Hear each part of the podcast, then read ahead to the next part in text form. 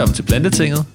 Jeg hedder Alexander, Jeg hedder Clara. og i dag snakker vi med Annette Høgh Nielsen, som står bag bloggen og Instagram-profilen Mad med Glød.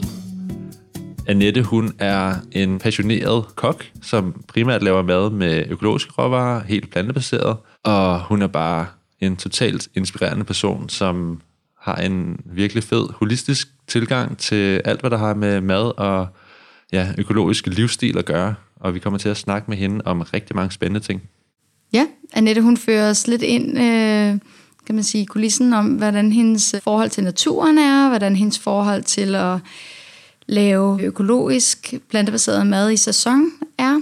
Og øh, så taler vi også lidt om den urintest, som hun har fået lavet i forbindelse med et projekt, hvor at der er en gruppe testpersoner, der har fået testet deres urin for pesticidrester. Uden at spøjle for meget, så er der altså nogle pesticidrester i Annettes urin, og det er jo lidt chokerende og frustrerende for en, som lever så økologisk som muligt i hvert fald. Så det kommer vi til at tale lidt om. Lige præcis. Og så kommer vi selvfølgelig også lige ind på hendes kogebog, Plantebaserede fristelser, og hendes næste kogebog, som I kommer til at høre meget mere om. Så ja, lad os klippe over til samtalen, vi havde med Annette.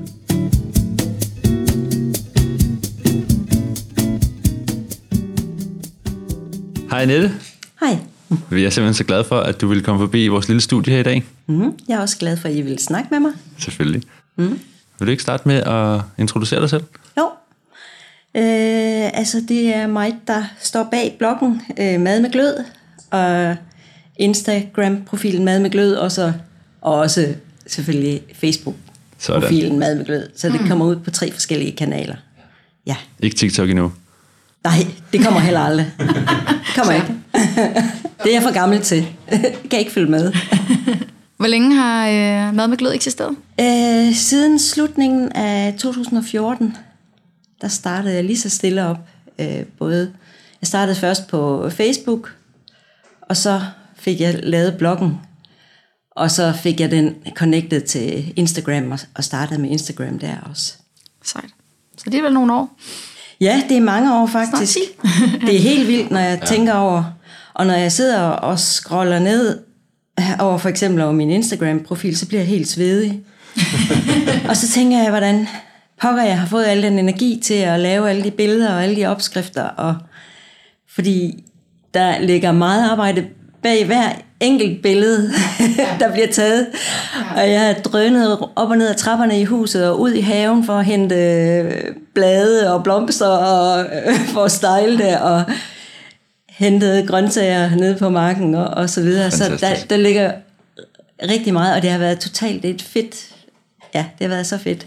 Nej, godt. Ja. Det kan du være stolt af. Ja, mm. ja det ser jo bare så appetitligt ud det hele. Og du tager altså også billederne selv?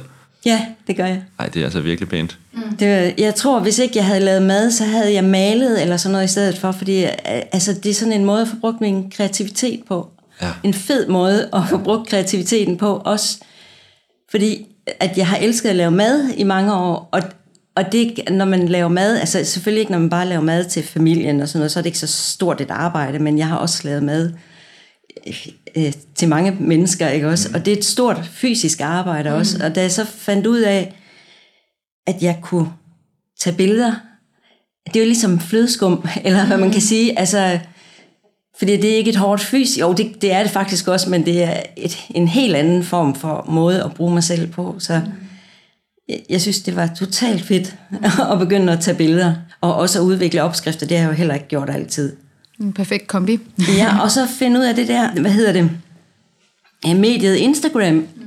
øh, at jeg kunne nemt dele min passion for grøntsagerne og det økologiske, i stedet for at jeg bare sad hjemme og, altså, og kun kunne lave, altså når jeg også på mit arbejde har lavet mad, selvfølgelig til andre, der er jeg jo også delt det er sådan mere nært, kan man sige, ikke også? Øh, men det at kunne dele min passion på den måde, det har været en virkelig fed oplevelse. Vil du ikke tage os tilbage til, hvordan du begyndte at arbejde med mad i første omgang? Jo. Øhm, altså, jeg har arbejdet med, med økologi og mad i 30 år i, i hvert fald. Øhm, og jeg startede faktisk øh, med at arbejde i en helsekostbutik, da jeg var helt ung. Og der, øh, ja, det var, ja, det var faktisk ikke engang starten, fordi der havde jeg været på højskole også. Og sådan, altså, Jamen, jeg tror faktisk, jeg kan starte helt tilbage, hvor jeg var... Fordi det, da jeg gik på højskole i 82, øh, der gik jeg på Vestbirk øh, Højskole, og det var egentlig et øh, kemik, øh, en kemiklinje, jeg gik på, men jeg havde et tilvalgsfag, som øh, hed økologisk øh, jordbrug. Og, øh, og der blev jeg virkelig bit af det med økologi. Altså, der var jeg jo ikke bevidst om, hvad det var. Øh, men jeg lærte en masse omkring, øh, hvorfor vi skulle dyrke jorden økologisk, og hvorfor vi skulle øh, spise økologisk. Øh. Og det har faktisk, altså jeg tror, det tændte sådan en, en ild i mig, fordi lige siden, der har jeg gået op i det med økologi. Ja, øhm, så det startede simpelthen der? Det startede der, ja. Og det startede også med, med det vegetariske der. Altså, jeg har ikke været vegetar hele tiden siden, men jeg har levet mange år vegetarisk, og det, sådan hele min interesse for det vegetariske startede der i 82, ja. 83, ja. Var der nogle lærere, der også var vegetarer, eller hvordan var det ligesom? Øhm, nej, men vi kunne vælge vegetarisk mad. Ah. Det skulle man ligesom skrive sig på, hvis man ville have vegetarisk. Ja. Så det var, det var, det var der, det kimen ligesom ja. blev lagt, ja. Og så har jeg, øh, altså jeg har lavet mad, øh, arbejdet på restauranter, og øh, så tog jeg i 96, der tog jeg en uddannelse som kostvejleder, som også var sådan en, det var på noget, der hedder Hover øh, Sundhedshøjskole, hvor jeg øh, lærte omkring øh, den, en holistisk tilgang til mad, ligesom. Og det var også vegetarisk og plantebaseret mad, vi arbejdede med meget der. Altså det var ikke kun det, men det har jeg brugt det til, ligesom. Og det var meget omkring økologi også, øh, så de råvarer, vi brugte, når vi lavede mad på øh, uddannelsen, det var økologiske råvarer, og vi fik undervisning af, der var en, der hed Anne Bodil Søgaard, øh, som holdt nogle vildt spændende foredrag. En, en øh, forsker her fra Københavns Universitet, tror jeg, øh, omkring kuvøse agurken, kan jeg huske øh, den altså hvordan øh, planters immunforsvar øh, svækkes, når de bliver dyrket i øh, drivhuse, mm. i, bare i sådan nogle, hvor de ikke bliver dyrket i jord, ikke også? Mm. Og noget, hun fortalte også om, at det var vigtigt, hvilke frø, man brugte. Altså det var gamle sorter og sådan noget. Øh. Så der har sådan været rigtig mange ting ind over igennem den uddannelse, og en rigtig inspirerende lærer, og hende, der stod bag ved, ved uddannelsen, det er en, der hedder Lise Fagerskov Hastrup, som har været virkelig en af mine mm. øh, inspiratorer igennem tiden. Hun er vildt inspirerende og dygtig. Øh. Jamen, altså det, jeg har lavet det er, jeg har blandt andet været projektmedarbejder på en økologisk café, øh, et øh, projekt for unge mødre i Aarhus, ja. Øh, hvor jeg en café, der hedder Café Monroe. Der underviste jeg de unge mødre i madlavning der, og med, vi brugte økologiske råvarer. Og jeg har været øh, madmor i flere forskellige daginstitutionskøkkener, hvor jeg har arbejdet med økologiske råvarer også. Jeg kalder mig madmor, for jeg har egentlig ikke nogen uddannelse. Mm. Altså, jeg er ikke øh, uddannet kok eller noget. Jeg er selvlært, sådan, hvad det angår. Og jeg synes, det er sådan et dejligt, hyggeligt udtryk, madmor. Ja. Ikke? Ja. Også selvom, altså, det er en stor opgave at lave mad til mange børn. Mm. Ikke? Også, så, jamen, det har været totalt fedt også. Jeg har været i, i mange forskellige tror jeg, fem forskellige øh, daginstitutioner, hvor jeg har lavet mad. Blandt andet noget, der hedder øh, Børnehaven Ejstrup Gamle Skole, øh, som desværre ikke fungerer mere på samme måde, men der var 130 børn, hvor jeg, de 100 kom ind fra Midtbyen i Aarhus øh, og blev kørt ud i busser, og på en kæmpe stor grund, og hvor maden var økologisk, og jeg stod for, der var en, en øh, køkkenleder, og så stod jeg for øh, det pædagogiske omkring maden. Mm. Så der var et kæmpestort øh, udekøkken med brændefyret komfur og en stor øh, grokedel, og der stod jeg og lavede mad. Som en virkelig madmor. Ja, men der var så en køkkenleder, der stod indenfor, ikke også? Fordi der er jo selvfølgelig også en stor konvektionsovn, og mm. øh, ellers kan man ikke lave mad til så mange. Mm. Men jeg lavede det der pædagogiske ja. med børnene, så jeg havde børn omkring mig også ude i køkkenet, eller i udekøkkenet der Ej, og fedt, de også fik et, et, et sådan De var med til at røre i ja. den store grokedel ja. og sådan noget. Ja, det var, det var en fed tid ja. også der. Ja. ja. Kunne det også være økologisk i de andre institutioner der? Jamen, Aarhus Kommune har arbejdet meget med økologi øh, i mange år. Nej, hvor godt. Øh, men det var jo op til den enkelte daginstitutions øh, bestyrelse, ikke også? Mm. Selvom Aarhus Kommune har opfordret alle daginstitutionerne til at, og dem, der har køkken, dem, der har øh, fået lavet mad, ikke? Øh, at det skulle være økologisk. Og de har øh, lavet forskellige øh, uddannelser, øh, men de starter med sådan en, en øko, altså sådan en inspirations øh, efteruddannelse for køkkenpersonalet.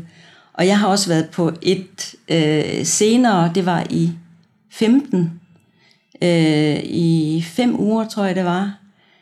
Total totalt fedt øh, økoløft hed det. Mm. Så der er blevet gjort rigtig meget fra Aarhus Kommunes side der, øh, ligesom der gør mange andre steder i landet, altså i Københavns Kommune, ikke også? Og jeg kender ikke så meget til de andre Nej. Mm. kommuner. Der, hvor min datter går, der er de i hvert fald 90 procent økologi. Ja. Så, ja. Hvilket også er rigtig fedt, fordi det, så er de jo ikke lige så meget råd til animalske produkter. Nej, det fordi, har de ikke. ja, så Nej. det er en, øh, en naturlig ligesom, konsekvens af det. Ja. ja. Vi har jo en bog liggende øh, ja. på bordet, der hedder Plantebaserede fristelser, som ja. du øh, er forfatter på, ja. altså en kogebog. Ja. Øh, og da vi lavede den her aftale, der fortalte du også, at du lige har afleveret manuskript og, eller tekst til din nyeste, eller kommende kogebog. Kan du sætte lidt flere ord på sådan hele den del af din karriere med øh, som kogebogsforfatter? Ja, altså jeg startede jo med, altså den første bog, jeg har lavet, det er plantebaserede fristelser, og det er øh, opskrifter med søde sager, plantebaserede søde sager. Så jeg jo egentlig begyndt bagfra, kan man sige, med desserten først. Jeg skulle, øh, jeg, skulle, jeg ved ikke, jeg, det, det følger bare, det, øh, den var der lige, den, ja. den skulle ud først. Ja. Øh, så, det, så det kom den også. og, og det har været en spændende rejse, synes jeg. Og det at være med til at lave sådan en kogebog, altså det er et fantastisk spændende arbejde. Mm. Mm. Og det er jeg glad for. Men jeg kan så sige, at den nye kogebog, som jeg lige... At jeg har faktisk afleveret hele materialet. Ja. Så jeg har afleveret 100 opskrifter, og også det skriftlige. Ja. Og jeg har selv taget billederne. Øh, til det mest, jeg har haft en... Øh, jeg har en veninde, øh, som er super god til at tage billeder. Altså hun er ikke uddannet fotograf, men hun er virkelig dygtig. Dot mm. Ovesen hedder hun. Og hun har taget billederne af mig, øh, og så nogle af billederne ned fra øh, der er nogle af de flere, der er med i, i bogen, i den nye bog. Og de har hun også gjort i, i den første bog, Plantebaserede fristelser. Men den nye bog, øh, det er sådan mere egentlig en helhed af, hvad det er, jeg står for, kan man sige. Altså, det, der har jeg meget mere omkring økologi, øh, og øh, med, ja, den hedder, eller kommer til at hedde, Det Grønne Årstidskøkken. Mm. Øh, og så skriver jeg noget om øh, øh danske øh, produkter, altså de danske bælfrugter. Mm. Prøver at nævne øh, bælfrugterne, hvordan de skal øh, hvad hedder det, tilberedes og sådan noget, og kommer ind på, på det. Og, og så er der så alle mulige opskrifter der er inddelt efter årstiderne. Og den er jeg meget spændt på. Altså, jeg har jo kun afleveret alt det, jeg har lavet indtil nu, så nu skal det så igennem hele møllen der med at blive mm. læst korrektur på, og til grafikere og så videre. Ja. Så jeg er så spændt på, ja, hvordan den ender med at blive. Ja. Er det samme forlag? Ja, ja. det er også Turbine forlaget. Ja. ja. Stærkt. Det mega spændende. Ja, mega spændende. Det lyder også næsten som den, jeg tror, jeg får det til den hellige fire enighed, med både, at det er dansk, og i sæson, og økologisk, ja. og plantebaseret. Ja. Det kan jo faktisk ikke blive meget bedre. Nej. Men det tænker jeg også. Ja. Og det, og, altså, altså, det er sådan, jeg selv lever, ja. kan man sige. Og øh, egentlig så, så har jeg hele tiden sådan haft lyst til at lave en kogebog, hvor det sådan var en autentisk kogebog, ikke også? Mm. Men det er skide svært, og sådan helt, hvordan skal man lige gøre det?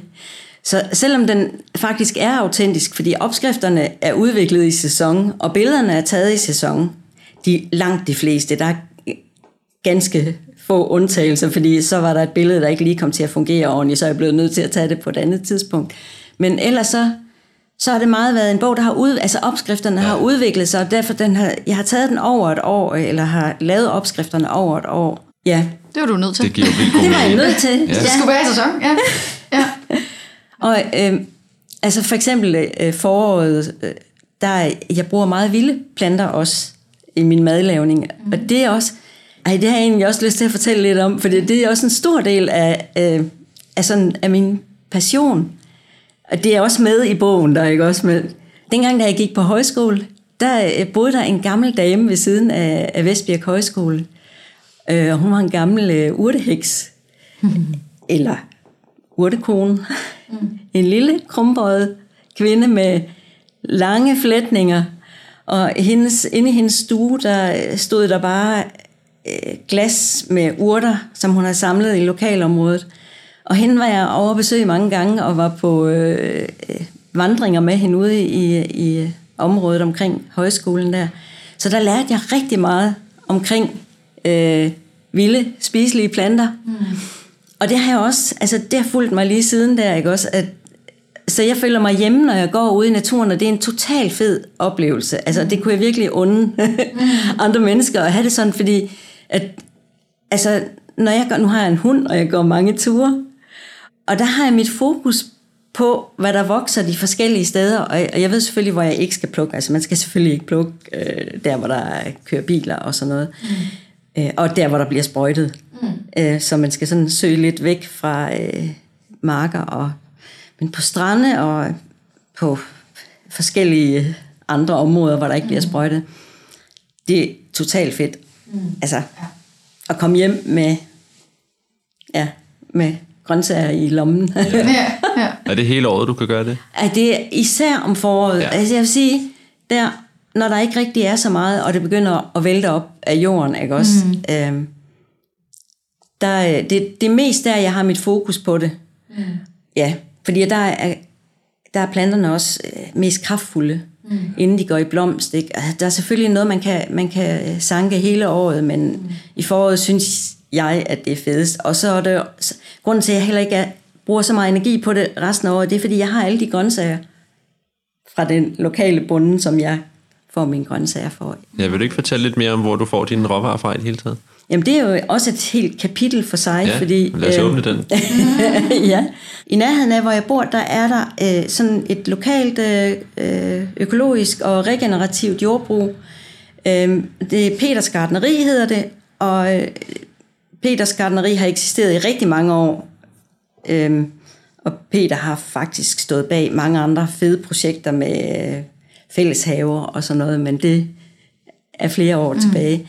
Øh, Men nu, der har han så et gardneri øh, nede ved øh, Mariendal, øh, uden for Aarhus, øh, syd for Aarhus, øh, hvor han øh, ja, dyrker grøntsager, og har et øh, koncept, hvor man kan, altså han sælger grøntsager, men man kan både være kursist, og man kan være kundebonde mm. ved Peters Gartneri. Og øh, mig og min familie er kundebønder, hvis man kan mm. sige det i flertal. Øhm, og det har vi været, siden han startede, jeg tror det er, er det tredje sæson nu, eller også er det fjerde, det, kan det er jeg faktisk ikke helt sikker på. Mm. Men vi har i hvert fald været med fra, øh, fra han startede. Og det går ud på, at øh, man betaler et øh, årligt beløb, og så øh, kan man høste øh, til eget forbrug til familien, eller til det antal, der ligesom betaler fra familien. Og det er jo totalt fedt. Altså, og vi har også indflydelse på, hvad, hvad det er, der bliver dyrket. Hvis der er nogle grøntsager, vi gerne, altså som kundebønder, også kursisterne, hvis man gerne vil have et eller andet specielt i sortiment, så prøver han det, mm. så vidt det kan lade sig gøre. Men ellers så, øh, altså fra maj, juni, især juli, august, altså det hele det eksploderer jo mm. med sådan forskellige ting, man kan hente. Altså nu her i efterårssæsonen, der har der jo været alt muligt. Altså, så jeg, jeg Ja, hvad har været det sidste, du har taget med hjem?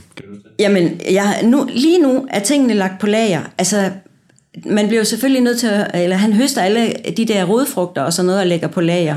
Men der står stadigvæk øh, grønkål og øh, øh, porre, Øh, og krydderurter, er nu krydderurten, de er nok gået til nu i frosten, ikke også? Ja, nu er det blevet frostvær. Ja, men ja. det sidste, jeg var nede og hente, det var faktisk øh, en masse, hvad hedder det, grønkål, og jeg hentede palmekål og øh, nogle rosenkål, og, og så hentede jeg fra lager kartofler og knoldselleri og græskar og rødbeder og gule beder og stribede bolchebeder og øh, æbler. Han har også en æbleplantage, der ligger tæt på, øh, så vi kan også få æbler. Ja, det er, det er virkelig et fedt koncept.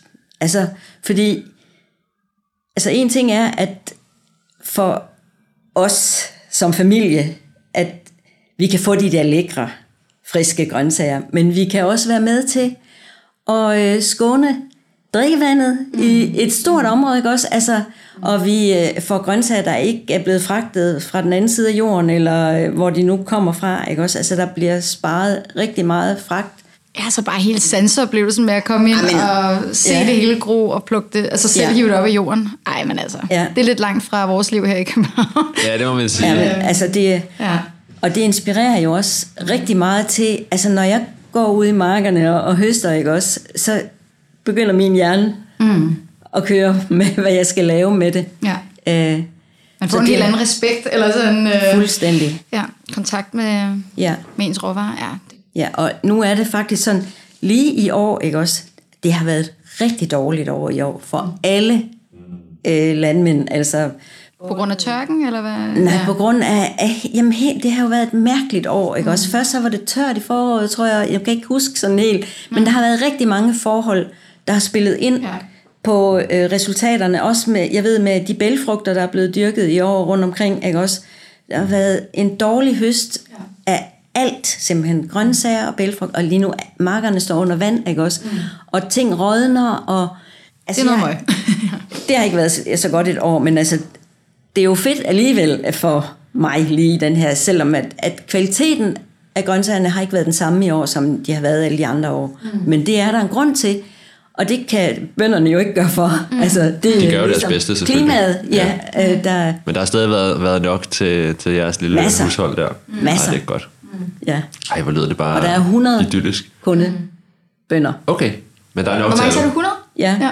Så det er ikke sådan, man skal stå øh, i kø til det sidste grønkål? Det, eller? Øh, øh, nej, nej, det har jeg ikke oplevet på noget tidspunkt. Nej. Der har været nok at det, jeg tænkte, jeg var også spændt på, når, der, når vi sådan voksede, ja. når der kom flere og flere. Det må være svært at vurdere, når man jo ja. i starten af sæsonen ikke nødvendigvis ved, hvor meget der kommer op. Ja. Men det, det, det lykkedes alligevel. Altså, der er selvfølgelig ting, som har været senere, sådan, fordi at, men på grund af vejret, ikke også? Men øh, altså, når du så har været der, så synes jeg, det har været fint. Men så har du også din egen køkkenhave. Ja, altså selve, jeg dyrker ikke så mange ting, men jeg har masser af krydderurter, og jeg har kål også hjemme i haven, fordi ja. det er jo så fedt bare lige, at jeg kan gå ned ad trappen, og så ud i haven og hente øh, grønkål og palmekål, og jeg prøver at dyrke nogle øh, gamle kornsorter, eller hvad hedder det, kålsorter, som jeg eksperimenterer lidt med. Og så øh, har jeg, jamen jeg prøver at have sådan en spiselig have. Mm. Er masser af bær. Vi har en lille bærhave med solbær og reps og blåbær og brumbær og øh, stikkelsbær og aroniabær har jeg og jordbær, jeg, vilde, altså skovjordbær øh, sætter jeg som bunddække. Så jeg prøver sådan efterhånden, vi flyttede ind i 2009, øh, der hvor vi bor nu, og, og der var ingenting i haven der, så jeg har sådan stille og roligt øh, plantet og, og sat ting. Og der er æbletræer også, der er tre æbletræer, så det, det er virkelig dejligt altså. Mm. Øh, alle de der krydderurter. Og så har jeg et drivhus, øh, så om sommeren der øh, har vi vores egne tomater og agurker og basilikum ude i drivhuset og salater og der står stadigvæk, øh, hvad, jeg tror det, nu er det nok lige faldet sammen her ved den sidste frost, men øh, jeg har New Zealandsk spinat inde i drivhuset. Hele den ene side, den, der har sådan noget New Zealandsk spinat, det har spredt sig, så jeg har, vi har brugt spinat fra drivhuset i mange måneder nu. Sådan. Det er virkelig fedt. Hvordan, altså nu har du hele det her med økologi og sådan, dit, dit forhold til det startede allerede tilbage der ved, ved højskolen og sådan, mm. men det, det virker til, at det er jo blevet en stor del af dit liv, og den måde, du laver mad på, og den måde, du Ja. tænker på, osv. Ja. Hvad, har det nogle sådan begrænsninger, eller, fordi det har det jo rent sådan, Ja. øh, hvad for nogle råvarer, du kan bruge, og sådan, hvad, hvad, hvad tænker du sådan om det? Er det mere en mulighed end en begrænsning, eller sådan, har du nogle oplevelser med det, at det øh, kan være en udfordring? Altså, nu er det jo så meget en del, altså en del af mit liv, mm. ikke også? Jeg, altså, jeg synes ikke, at jeg har nogle begrænsninger, fordi jeg ved jo, hvor jeg kan få tingene henne, ikke også? Altså, jeg har jo jeg for eksempel købt øh, i helsekostbutikker, men der skal jeg så ind til Aarhus øh, øh, sådan mange af de ting, som man ikke kan få i almindelige butikker. Jeg synes ellers, at, øh, at øh, øh, vores lokale øh, superbrusen har været meget godt med, selvom at det faktisk begynder at gå ned ad bakke. Mm. Øh, det er jeg rigtig trist over faktisk, Ja, at det er også min oplevelse her, faktisk. Det er- lidt sjovt. virkelig træls. Altså, ja. jeg ved ikke, hvad det er, der sker, men øh, der har været, i vores lokale brus, der har været to øh, lange, eller sådan en hel gang med på begge sider, hvor der har været økologiske råvarer. Mm. Og der er kun en, og den skrumper mere og mere ind nu også. Så jeg ved ikke lige, hvad det er, der sker, desværre. Mm. Og nogle ting går ud af sor- sortiment, øh, men altså, jeg gør det, at jeg går til brugsuddeleren og, og beder om at få det igen, ikke også? Altså, det er jo den eneste måde. Ja. Altså, det, der tænker jeg, at vi som forbrugere har en kæmpe stor magt, ikke? Altså, at vi kan... Vi skal simpelthen efterspørge, øh, hvis tingene ikke er der. Ja. Fordi det er den eneste måde, at det begynder at komme i, øh, i detailhandlen. Ja. Altså, Ja. Kender du så brugsuddeleren personligt, eller sender du en Nej. mail, eller hvordan det nej, fungerer? jeg, jeg møder... Jeg, altså, jeg, tager fat i ham, Okay, hvis, du ser hvis det ham. er. Ja, okay. ja. Ja, det hører man jo om nogle gange, at, at det er en af de bedste måder egentlig at rykke på, hvad skal man sige, mulighederne. Ikke? Ja. Altså at simpelthen gå hen og sige, vi har brug for en vegansk smør, eller vi har brug for Ja. mere økologi, eller hvad det nu end kan være. Jeg har personligt aldrig gjort det. Nej. Men det lyder jo... Det skal altså, man simpelthen Ja, ja. gøre. Altså, det, det er faktisk, tror jeg, den eneste måde, Det tror jeg, at der kommer efterspørgsel øh, på nogle ting, der ikke er i butikken. Ja. Ja. Ikke også? Hvis man ved, at de kan skaffes, og man ved jo, at de er i nogen Ja, øh, præcis. med et stort sortiment, ikke? og så vil de også kunne komme i de andre. Ikke? Også, det er simpelthen op til uddeleren selv. Ja. Øh. Men, men så skal man jo også købe det. Mm. det er Altså, og det er jo der, ikke også, hvis så butikkerne har oplevelser øh, af, at øh, de tager noget hjem, som ikke bliver solgt, ja. så stopper de med at tage det hjem. Det det. Så det kræver også lidt af os som forbrugere, at vi så bliver ved med at, Jamen, det det. at støtte butikken Og i det, er det. jo- vi kan jo ikke sige det på andre måder, end at hvis der er mindre økologi eller færre plantebaserede muligheder, hvilket nu ikke er min oplevelse, men hvis det nu var tilfældet, så er det jo os som forbrugere, der på en eller anden måde også bærer en ret stor del af det ansvar. For Ja. det må være, fordi det ikke har solgt nok. Det, det, Det skulle man tro. gå ud fra i hvert fald, Ja. hvis det ikke er, fordi de ikke kan få nok hjem eller et eller andet. Ikke? Ja. Fordi altså, supermarkederne er jo en forretning, ligesom så mange andre. De vil jo Ja. egentlig bare gerne tjene penge, selvom jeg er sikker på, at der også er flere værdier end det. Så øh, Ja. ja, Ja, vi skal jo også gøre noget selv, ikke? helt klart. Ja. Jeg tænker, at vi lige skal tale om den øh, urinprøve, som øh, Ja. du har fået taget i forbindelse med et projekt, som er blevet øh, lavet her i Dansk Vegetarisk Forening, Ja. hvor der var en gruppe mennesker, der fik testet deres urin for forskellige øh, pesticider og giftstoffer. Mm-hmm. Og øh, det viser sig, så vidt jeg ved, at alle har haft et eller andet i deres prøver. Ja. Blandt andet dig, Ja. som jo lever 100% økologisk ellers. Ja. Ja. Vil du sætte lidt ord på, sådan, hvordan din oplevelse var at få de resultater?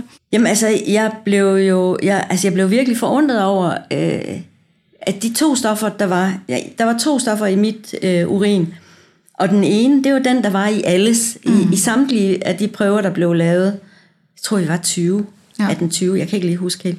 Nå, men øh, klorpyfos hed det, og det skulle være noget, der et stof, der er forbudt øh, i Danmark, og har været det siden 15 eller 16, tror jeg.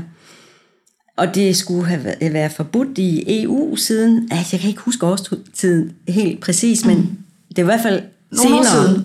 ja, nå, ja. Nej, nej. Det jeg tror, jeg, jeg øh, vrøvler nu, fordi at i Danmark, der har det været forbudt i længere tid end i EU. Mm. Øh, nå, det er også lige meget med årstallet. Men øh, jeg ved ikke, øh, det, det, det var det ene. Og hvor det kommer fra, det aner jeg simpelthen ikke. Altså, mm. jeg kan ikke huske præcis, hvad, fordi det var noget med, at vi skulle skrive ned, hvad vi havde spist og drukket dagen før, eller sådan nu, det er så længe siden, jeg sendte mm. den ind, så jeg kan ikke huske helt præcis, men jeg mener, jeg havde drukket et glas vin også, og det vin, jeg som jeg fik at vide af hende forskeren, at det kunne komme derfra. Men det er en økologisk vin, og jeg tror, den var fra 21 eller 22. Altså, for jeg ved, de vinflasker, jeg har stående derhjemme, ikke også? Øh, så det burde ikke kunne være i den vin. Og ja. hvor det ellers skulle komme fra, det har jeg ingen anelse om. Mm. Altså, og det andet stof, der blev fundet i min urin, det var øh, en, øh, insektgift. Og det ved jeg heller ikke. Altså, jeg bruger ingen insektgifte derhjemme, og øh, der bliver heller ikke brugt insektgifte nede ved Peters Gardneri, hvor jeg får min grøntsager fra, men altså, jeg ved ikke, hvor det kommer fra. Nej, det er jo lidt skræmmende, når man tænker over ja. det. Ja, Altså, der må være noget, der på en eller anden måde bliver flyttet via luft eller regn, eller ja, men, I don't know, hen til de steder. Ikke? Altså, ja. Det kan man eller, jo kun gisne om, hvor, ja, hvor det kommer fra. Ja, for altså. hvad, hvad ligger der ved siden af Peters gardneri? Det er jo også en faktor. Egentlig. Ja, det ligger helt ned til vandet. Okay, så i hvert fald en side der, af... Jamen, der er ikke nogen sprøjte, der er ikke nogen steder, der bliver sprøjtet lige op til. Nej, okay. Fordi der er også sådan, Aarhus Kommune, eller Aarhus Universitet har nogle forsøgsmarker også øh, tæt på, mm. og der bliver heller ikke sprøjtet der. Nej, okay. Så der bliver simpelthen ikke sprøjtet i hele det område. Altså, så skulle det komme med luften, ikke også? Ja, øh, fra det. Ja. De nærmeste... Jeg, jeg aner det ikke. Det skal vi ikke kunne gøre os kloge på. Nej. Et eller andet sted er det jo kommet ind. Men ja, nu, det er det jo. Det synes jeg bare er lidt interessant. Spiser du virkelig ikke noget med vilje, der ikke er økologisk? Jo, ja, jo. Det kan det godt jeg. ske. Ja. ja, altså, men det er meget lidt. Ja. Altså, jeg prøver, fordi der er selvfølgelig... Hvis, jeg, hvis der er noget, jeg bare skal bruge, ikke også... Øh, og jeg ikke kan få det økologisk, så, øh, så køber jeg det økologisk. Så kan du godt gå på. Ellers så kan jeg godt gå, gå på kompromis, ja. ja. Men det er virkelig i småtingsafdelingen. Mm. Mm. Hvad kunne det være for eksempel? Øh, ja, hvad kunne det være? Det er et godt tegn, du skal tænke så meget et, et, et, ja, et øh, krydderi måske. Ja. Mm. Og de er faktisk rigtig slemme. Ikke også? Med, ja, det er jo med egentlig, pesticider. Ja. Altså det er faktisk, og det tror man ikke lige, det er bare sådan en lille mængde, ikke også? Men det er noget af det, der virkelig bliver, ja. Altså af det konventionelle, der ja. virkelig bliver sprøjtet. Ja. Så selvom så, det bare er sådan nogle små dut, ja. så kan ja, det men være det er jo også tørret ind fra noget, der har været mm. altså meget større og vejet meget mere, eller hvad man siger. Ja, lige ja. præcis. Ja. Ja. ja. ja, det giver god mening. Ja, man kan heldigvis få de fleste krydderier økologisk, hvis man leder længe nok, men nogle ja. gange kan det jo være svært. Ja, mm. Nej, nu er der også en anden ting, jeg kommer til at tænke på, fordi der er faktisk nogle af de plantebaserede ting, som mm. jeg ikke kan få økologisk. Ja. Og der går jeg også på kompromis. Ja. Øh, Hvad fordi, kunne det være? Jamen for eksempel, jamen lige nu, der er jeg rigtig træt af, at man ikke kan få øh, en øh, økologisk yoghurt. Nej, det er så mm. ærgerligt. Ja, den er, alproen, den er ja, alproen, ja. den har jeg ikke kunne finde i lang tid. Nej, men de har stoppet med at lave den i hvert fald til Danmark. Ej, det er så det er synd, ikke? Simpelthen. Jeg og så har de lavet en masse andre smage i stedet for, ja. tror jeg, eller sådan noget. Ja, ja, det er jeg også mega ærget over. Den koster nærmest det samme, ikke? Jo, der er jo kun en krones forskel eller ja. sådan noget. Altså, den, altså det, fordi den, den bruger jeg øh, i min madlavning. Øh. Og så er der også en havrefræs mm. øh, fra øh, Oatly eller sådan noget. Oatly, ja. ja.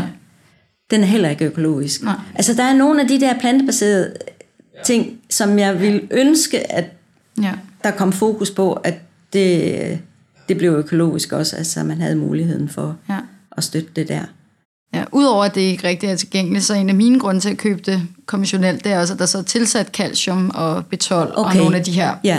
Ja, i nogle af de mælkeerstatninger der. Ja, ja præcis. Ja. For ellers kan det, altså, så skal man i hvert fald spise en del øh, grønkål og, og skal vi andre ting, for at ja. man ligesom får det dækket, eller tage ja. en øh, vitaminpille til, ikke? Men, ja. øh, men det, men det er jo så igen noget lovgivning, som skal laves om, fordi det er for åndssvagt, at man ja. ikke må have de her tilsætningsstoffer, som ja. jo også er i almindelig mælk, eller komælk altså. Øhm, ja. Men, øh, ja. men det, det kan jo måske være noget af forklaringen, men det virker helt vildt ikke? alligevel, at der så skulle kunne, det skulle kunne måles i din urin, ikke? At det, jo. Det, at det er så det, få produkter. Ikke? Ja. Men altså, altså, jeg, jeg tænker, nu, nu har jeg det faktisk sådan personligt, det er ikke for min egen krop, altså jeg er ikke så bange for, for de stoffer mere. Det var mere, da jeg var ung og skulle have børn, og da jeg, altså, Mm. Øh, det kan være lidt lige meget nu, jeg er så gammel alligevel, men, men det er mere for naturens skyld, ikke ja, også? Altså, jo, det det. for øh, at spare naturen for pesticider, og for at vi kan få øh, bevare biodiversiteten mm. øh, og vores drikkevand, at vi kan bevare det rene drikkevand, eller prøve at skåne det i hvert fald. Mm. Det synes jeg, det er det, der er det allervigtigste. Mm. Ja. Det lyder som, du har et meget naturligt forhold til det med natur, på en eller anden måde, at du helt sådan instinktivt har en kærlighed til den levende biologiske verden. Er det noget, der er kommet endnu tidligere i dit liv, eller er det ligesom blevet på en eller anden måde kultiveret med at få fingrene i jorden igennem alle de år, du har arbejdet med mad? Altså, det, jeg, jeg tror simpelthen, jeg er vokset op med det på den måde, at jeg, øh, min, min far, han kommer fra en gård, og øh, hans bror overtog fødegården, og så er jeg kommet, eller vi er kommet på min fars fødegård hele min opvækst øh, i alle ferier. Mm. Øh, så, så jeg, jeg har haft tilgang, altså været med til at høste, og der var den store øh, æbleplantage, og øh, han dyrkede selv sine grøntsager ved siden af, og øh, der var så høns der, ikke også, og der var jo dyr på gården dengang, ikke? men det var en lille besætning, ikke? og øh, der var både grise og køer og får og høns, og jeg kan huske, jeg har siddet i sådan, jeg har siddet været øh, på en have, mm. i sådan en lille kasse med halm i, da jeg var helt lille, og været med til at høste og lege rundt på, øh, hvad hedder det, loftet, på hølloftet. Så jeg har fået det ind på den måde, og det, jeg er helt sikker på, at det er der min, øh, min kærlighed til sådan til de gode råvarer kommer. Ikke? Altså jeg har jo ikke vidst noget om økologi og alt det der. Det er jo først kommet senere, ikke også? Men, men kontakten til naturen, ja. den er kommet der. Og så har jeg så også... Øh, jamen da jeg var 10, så fik jeg min første pony. så jeg har kommet på gårde, ikke? Og har været ude i naturen, og har reddet rundt i skovene, og... Øh, ja. ja. Så jeg tror, at jeg har altid haft en kærlighed til naturen. Mm. Det er en selvfølge nærmest. Ja. For dig, Ja. Sådan som jeg er vokset op, ja. ikke, og har været ude i naturen altid. Ja, og, det, og jeg elsker det stadigvæk. Mm. Altså jeg, ja, det er simpelthen, og så har vi den der hund nu. som, Hvad er det for en hund? Det er en islandsk forhund. Oh.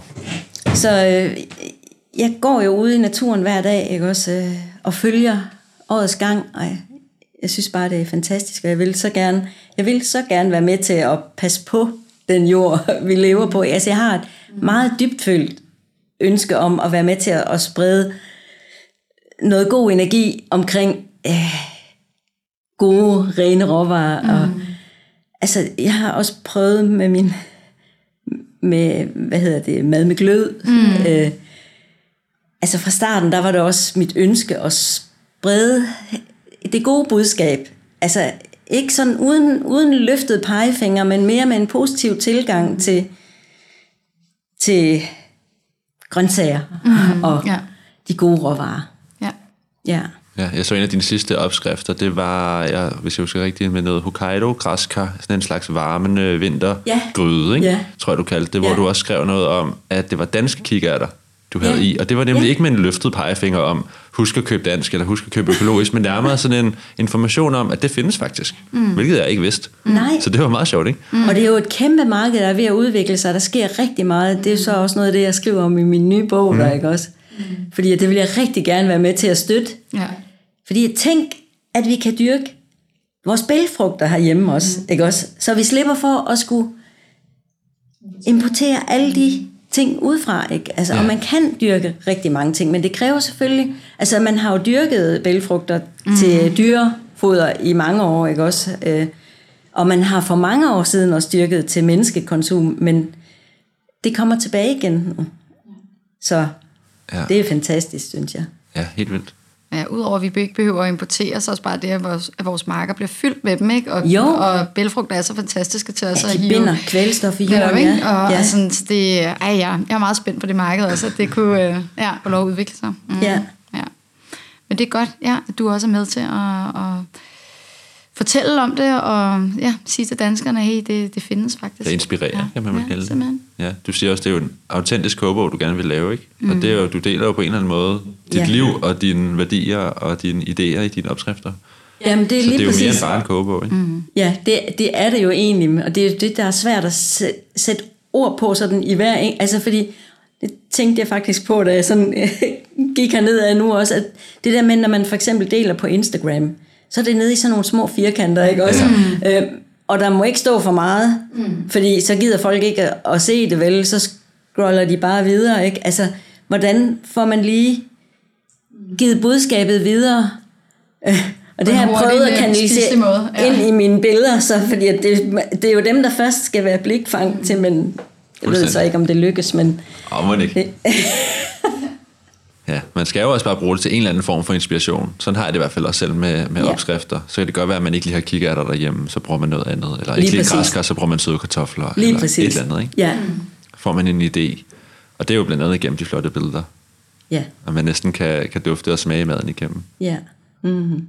Men det, jeg sidder bare og tænker på, hvor dejligt det må være for dig at have adgang og, og sådan et enormt sortiment af forskellige øh, grøntsager og frugter og bær og alting, som du kan plukke lige ud i baghaven. Altså fordi jeg har selv haft abonnement på årstiderne og sådan for at prøve at få nogle danske økologiske råvarer ind, og sådan, øh, mit var så bundet op på de her opskrifter, altså så det var ikke så store mængder af gang, men jeg overvejer meget, om jeg skal bare få du ved, en, en kasse ind med ja. årstidens øh, økologiske frugter. Det var sådan, det startede egentlig, ikke? Hvad for noget? Det var sådan, det startede, tror jeg. Ja. Ja. ja. ja. At man bare fik en kasse grøntsager eller frugt eller blanding. Netop, ja. Øh, jeg startede så, fordi jeg også havde brug for inspiration til, hvordan man kunne lave plantebaseret mad. Ikke? Men ellers så er det jo sådan lidt begrænset til, hvad der lige er nede i supermarkederne for os. Ikke? Øhm, jeg ved, vi to også er sådan nogen, der vil gå fra det ene supermarked til det andet for at finde noget økologisk. Ikke? Men det er jo også noget, vi kan netop, fordi vi bor i byen, og de ikke ligger Præcis. 10 km fra hinanden måske. Ja, ja. Det er også et privilegie i sig selv. Plus at de supermarkeder, vi så har tilgang til, måske har lidt mere, især i det plantebaserede, også måske nogle gange i det økologiske, ikke?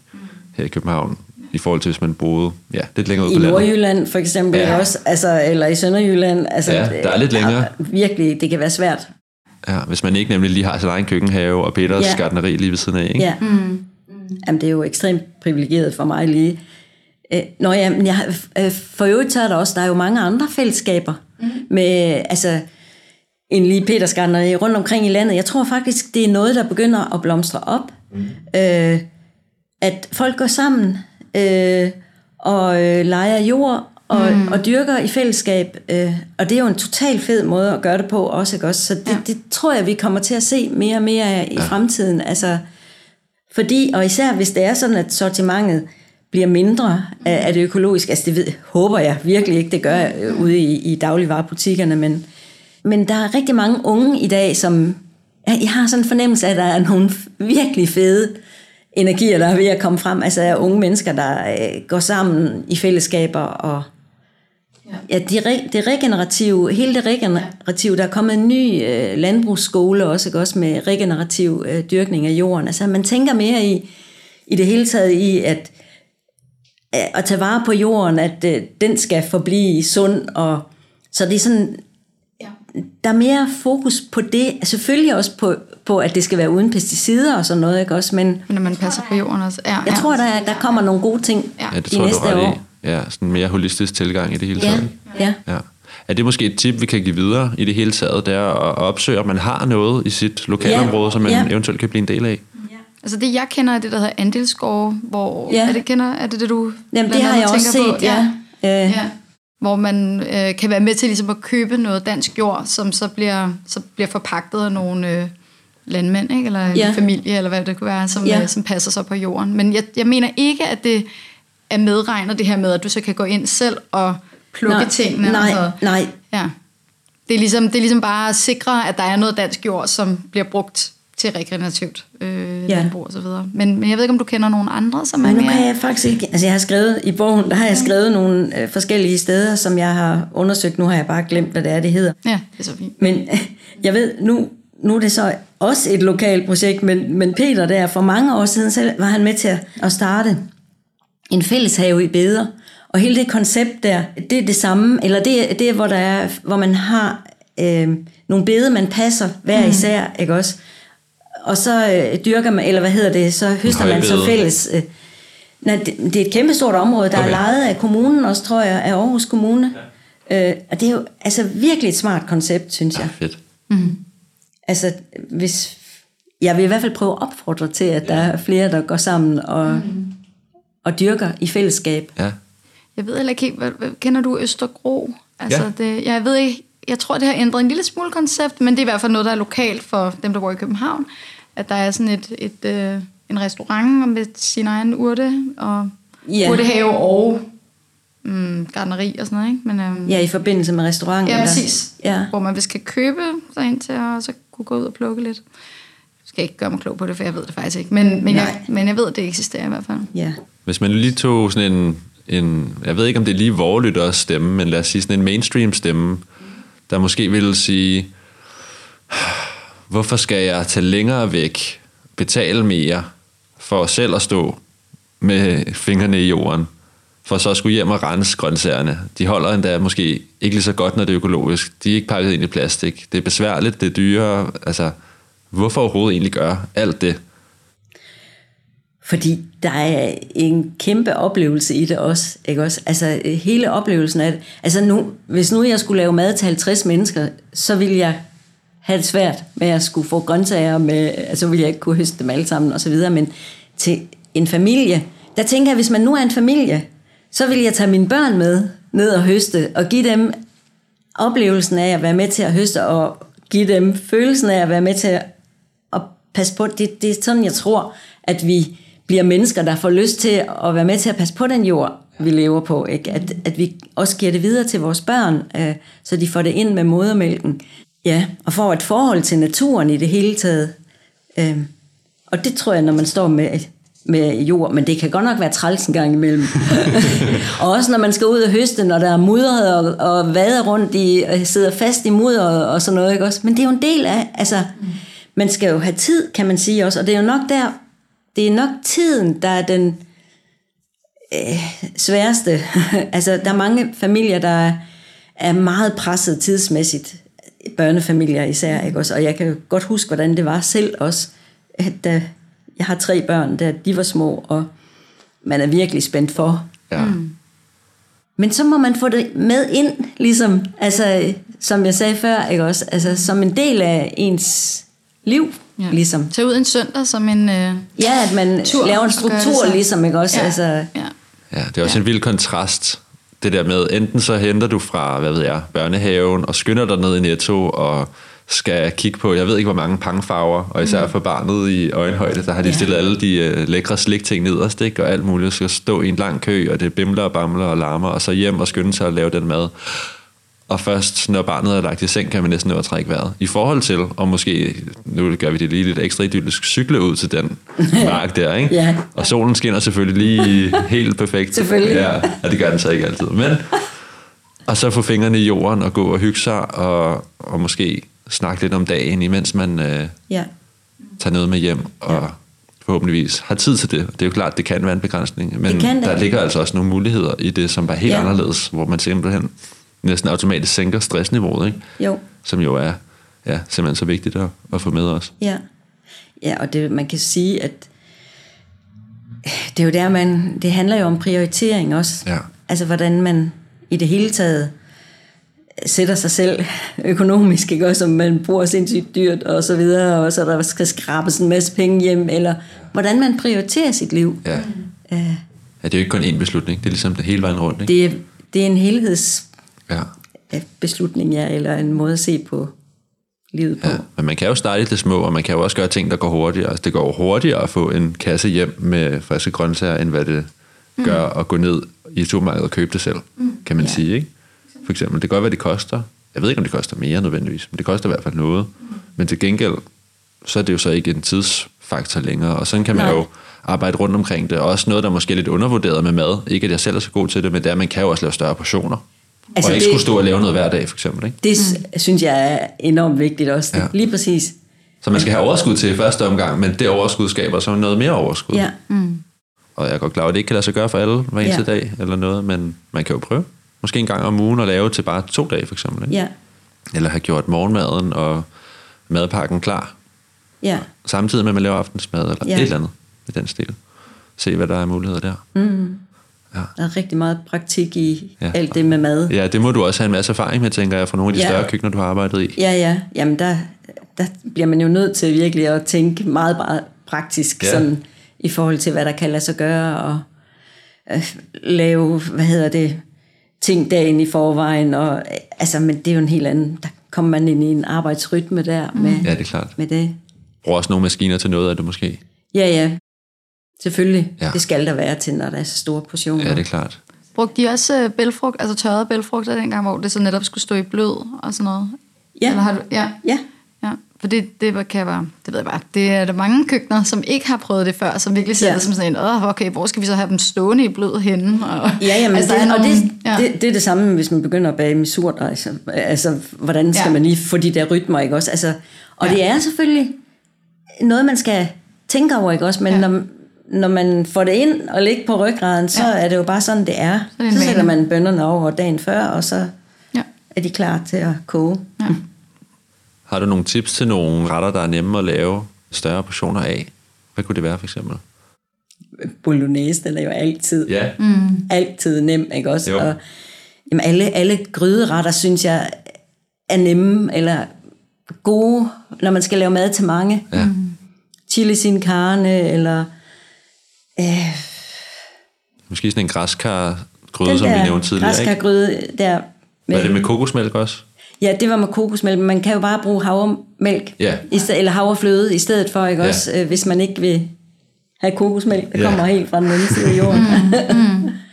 så på den måde, så kan man, ja, jo gryderetter, det synes jeg er smart, altså sådan som jeg gør, nu er vi så kun to derhjemme nu, så når jeg laver mad, jeg laver jo altid, jeg har meget svært ved at lave små portioner, mm. Så fryser jeg noget ned, mm. også, altså fryser ned i passende portioner, ikke, altså vi har også stor fryser, men det har, jeg også, det har vi, fordi vi lever sådan, som vi gør, og vi Ja. har bær og, og så videre, ikke? Men det synes jeg, gryderetter, det er nok det smarteste i forhold til at lave store portioner Ja. ja. nemt. Ja, det passer jo perfekt til årstiden nu også, må man Ja. sige. Mm-hmm. Noget Og så- varmende. Ovenretter også, Ja, ikke? Altså ting, der kan stå og passe sig selv i ovnen, den sidste, hvor man bruger forberedelsestid, og så sætter det ind i ovnen, så kan man lave noget andet, noget, mens det står derinde, bag færdig. Ej, så det bliver helt sulten, ikke? Ja, hvad er klokken? Skal snart frokost? Nå, var det godt. Ja. Hvad skal du hjem og lave nu, når du... Hvad, eller hvad er din næste ret, du skal kaste dig over? Øh, det ved jeg faktisk ikke. Nej. Ja, hvordan går du til det med din madlavning selv egentlig? Har du sådan en, en slags madplan, eller er det for hvad der lige føles rigtigt? Altså, jeg prøver faktisk at anbefale andre at lave en madplan, men det har jeg ikke selv. Fordi at jeg er simpelthen så spontan, og det er alt efter, hvad jeg har. Ligesom, jeg åbner køleskabet, eller ser, hvad jeg har hentet af grøntsager, og så laver jeg ud fra det. Mm. Ja. Men, men jeg har jo også hele tiden ting. Ja. Ikke også? Jeg kan ikke sammenligne den måde, jeg lever på med andre. Så du tager egentlig råvarerne først, og så finder du, Ja. hvad du skal lave med dem bagefter, kan man sige det sådan? Ja, Ja. Det kan man godt, fordi det er jo det, der er, jeg bruger. Ikke Jo. også? Men så må du have en masse tørre ting derhjemme også. Altså. Ja, det har jeg også. Jeg har et, vi har en fantastisk øh, et viktualierum nede i kælderen. Det var der, da vi købte huset. Mm. Det er simpelthen bare så fedt. Så jeg har alle mulige ting stående dernede. Mm.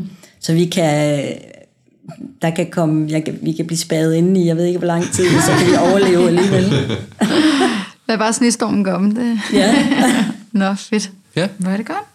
Men så vil vi bare takke dig rigtig mange gange for, at du ville komme forbi Jamen, og havde lyst til at snakke med os og inspirere til grønnere madlavning. jamen, det er mig, der takker. Jeg vil. Det har været rigtig dejligt. Det har været hyggeligt at være Det synes vi her. virkelig Få lov til at dele min passion. Præcis. Vi glæder os også til at se din øh, nye kogebog. Eller kommende uh, kogebog, ja. ja. Det tror jeg også, du gør. Se, hvordan det ser, glæder mig ser meget. ud. Jeg aner jo ikke, hvordan den kommer til at se ud. Jeg ved Nej. bare, hvordan de enkelte billeder er. Ja. Og så så jeg inde på din hjemmeside også, at man kan faktisk stadig købe plantebaserede fristelser, og man kan gøre det direkte af dig Ja, det kan man. indtil slutningen af året. Altså, jeg har bare sådan en juletilbud nu. Ja, vil du ikke Så sige den er- lidt om det så? Det, jamen, man kan købe den ved mig nu til 225 kroner. Mm. Og det Inklusiv er fragt? God, ja, inklusiv fragt. Okay, Og det er en, det. en god pris. Ja. Og hvordan gør man det? Jamen, så skriver man til mig på, øh, inde på Instagram, privat, eller på min mailadresse kan man også bestille den, og det er Annette Høg, A-N-E-T-T-E-H-O-E-G, snabelag, gmail.com. Sådan. Sådan. Så er det bare for med at Ja. sende nogle bestillinger afsted der. Det kunne, der, jeg har i hvert fald nogen liggende derhjemme, så det Fedt. Kunne være hyggeligt, hvis der er nogen, der har lyst til at lave en masse søde sager, fordi der er en masse gode opskrifter på søde sager til julen, for eksempel. Åh, ja. Oh ja. Juleguff mm. med gode, rene råvarer, lavet fra bunden, så man ved, hvad der er i. ja. Ja, Det er det, vi kan lide. ja. Tak for din tid, Annette. ja tak Det var for så det. lidt. Selv tak. Tak fordi I lyttede med. Plantetinget er lavet i samarbejde med Dansk Vegetarisk Forening. Hvis du har lyst til at tjekke vores arbejde ud, så gå ind på vegetarisk.dk, hvor du også kan melde dig ind, hvis du vil være en del af Danmarks sejeste plantefællesskab. Mange tak, fordi du lyttede med, og vi lyttes ved. Hej Dora. Hej då!